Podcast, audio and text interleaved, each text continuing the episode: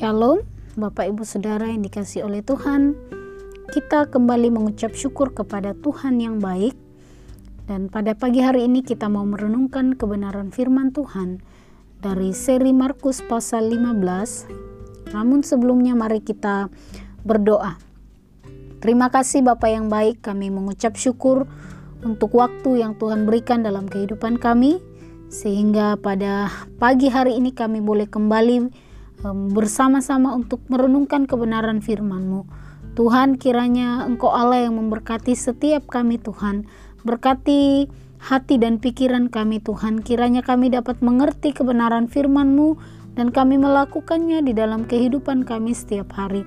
Terima kasih Bapak, biarlah firman-Mu ini Tuhan yang senantiasa berbicara di dalam hati kami, menuntun jalan-jalan kami Tuhan dan kami semakin mengenal Tuhan lebih lagi, mengizinkan Tuhan yang bertata di dalam kehidupan kami. Terima kasih Bapa yang baik, kami mengucap syukur dalam nama Yesus, haleluya. Amin.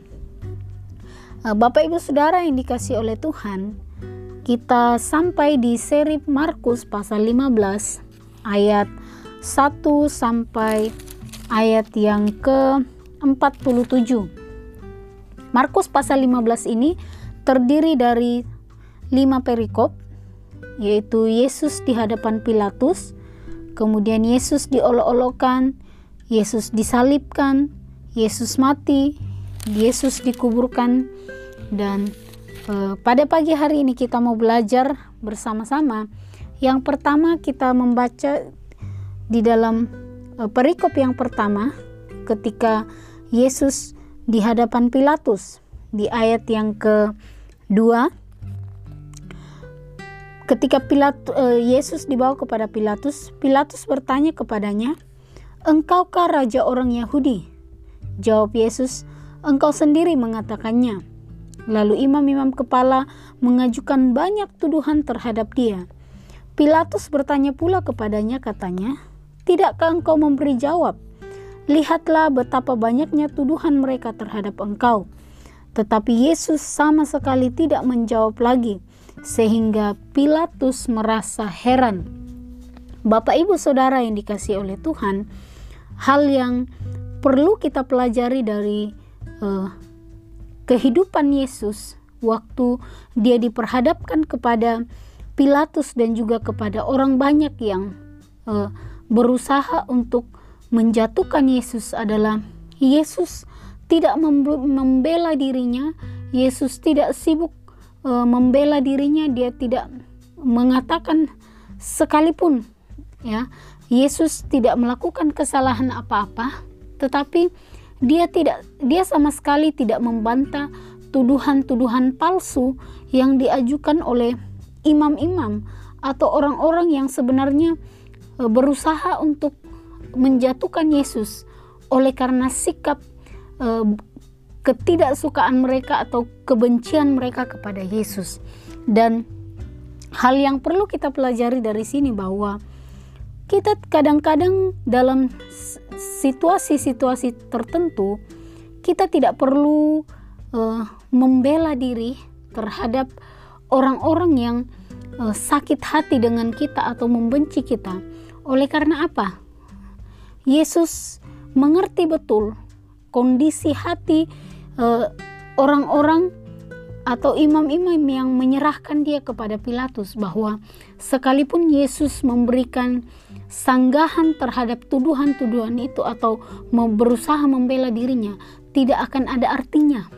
Jadi Yesus memilih untuk berdiam diri dan tidak mengatakan apa-apa. Nah, hal ini juga yang terjadi dalam kehidupan kita. Bapak Ibu Saudara bahwa kadang-kadang di dalam situasi tertentu kita tidak perlu e, membela diri, kita tidak perlu e, sibuk untuk mencari pembenaran, tetapi kadang-kadang kita perlu untuk berdiam diri dan izinkan waktu atau kebenaran itu terungkap dengan sendirinya atau biarkan waktu yang akan mengungkapkan kebenaran itu. Di dalam Perikop yang kedua dari ayat 16. Kemudian serdadu-serdadu membawa Yesus ke dalam istana yaitu gedung pengadilan dan memanggil seluruh pasukan berkumpul. Mereka mengenakan jubah ungu kepadanya dan menganyam sebuah mahkota duri dan menaruhnya di atas kepalanya. Kemudian mereka mulai memberi hormat kepadanya katanya, "Salam, hai raja orang Yahudi." Mereka memukul kepalanya dengan bulu dan meludahinya dan berlutut menyembahnya. Sesudah mengolok-olokkan dia, mereka menanggalkan jubah ungu itu daripadanya dan mengenakan pula pakaiannya kepadanya. Bapak Ibu Saudara yang dikasih oleh Tuhan, Yesus setelah diserahkan, dia disesah dan diserahkan untuk disalibkan.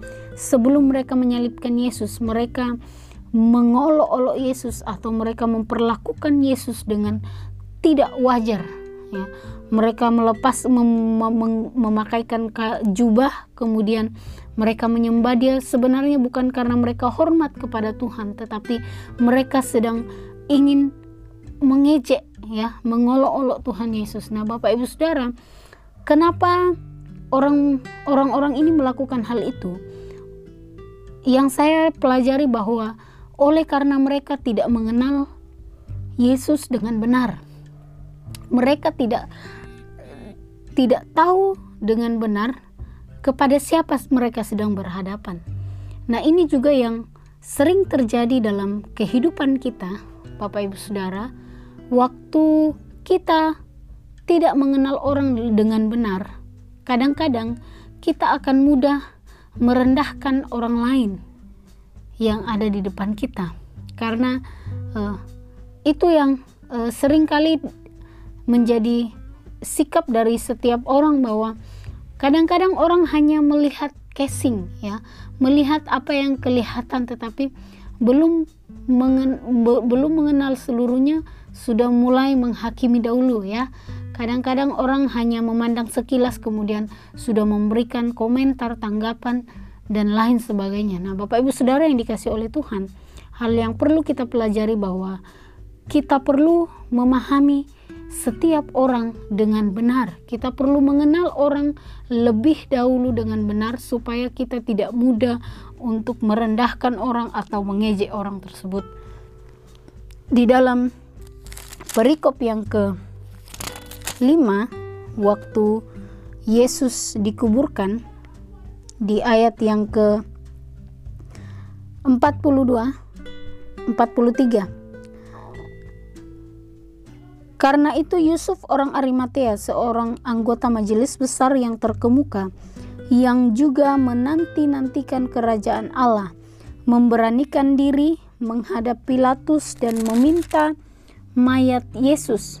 Nah, Bapak Ibu Saudara yang dikasih oleh Tuhan, di ayat yang ke-46, Yusuf pun membeli kain lenan, kemudian ia menurunkan mayat Yesus dari salib dan mengapaninya dengan kain lenan itu. Lalu ia membaringkan dia di dalam kubur yang digali di dalam bukit batu. Kemudian digulingkannya sebuah batu ke pintu kubur itu.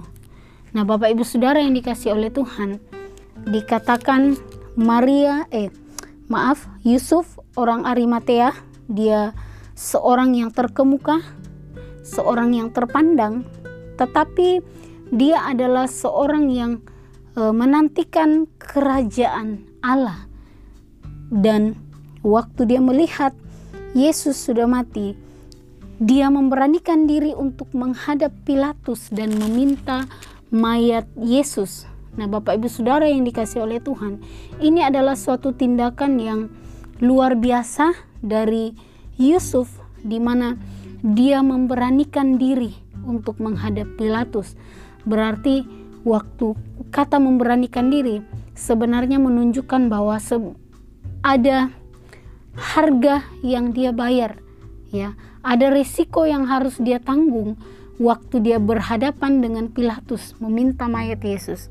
Kemungkinan besar kalau Pilatus tidak senang dengan apa yang dia e, minta kepada Pilatus bisa saja Pilatus melakukan sesuatu terhadap dia tetapi dia memberanikan diri mengambil resiko dan uh, Yusuf pun tidak hanya memberanikan diri, dia membeli kain lenan, ya, kain lenan yang terbaik dan yang baru untuk mengapani mayat Yesus, ya. dengan kain lenan tersebut.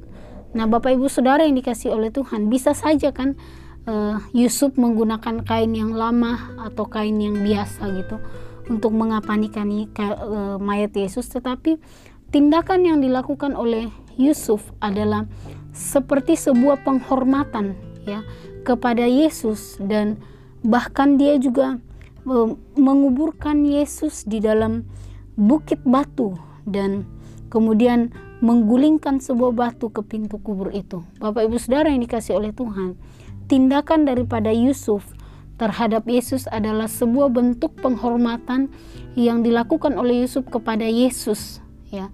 Yusuf melakukan tindakan penghormatannya dia sebenarnya di dalam hatinya mengakui bahwa Yesus adalah Tuhan yang harus diperlakukan dengan layak. Ya, sekalipun banyak orang di situ tetapi Yus, Yusuf dia memberanikan diri untuk melakukan tindakan ini sebagai bentuk penghormatannya kepada Tuhan Yesus. Karena dikatakan bahwa dia menanti-nantikan kerajaan Allah. Nah, Bapak Ibu Saudara yang dikasih oleh Tuhan, kiranya ini juga menjadi uh, pelajaran bagi kita untuk kita senantiasa menghormati pengorbanan Tuhan di kayu salib lewat cara hidup kita, cara kita memperlakukan orang-orang yang ada di sekitar kita, dan cara kita menyembah Tuhan, cara kita menghadap Tuhan. Mari kita menunjukkan penghormatan kita kepada Tuhan sebagai bentuk ucapan syukur kita atas pengorbanan yang Tuhan lakukan bagi kita. Bapak Ibu Saudara yang dikasih oleh Tuhan dan pelajaran yang selanjutnya kita belajar dari uh, Pilatus di ayat yang ke 44 dikatakan bahwa Pilatus heran waktu mendengar bahwa Yesus sudah mati.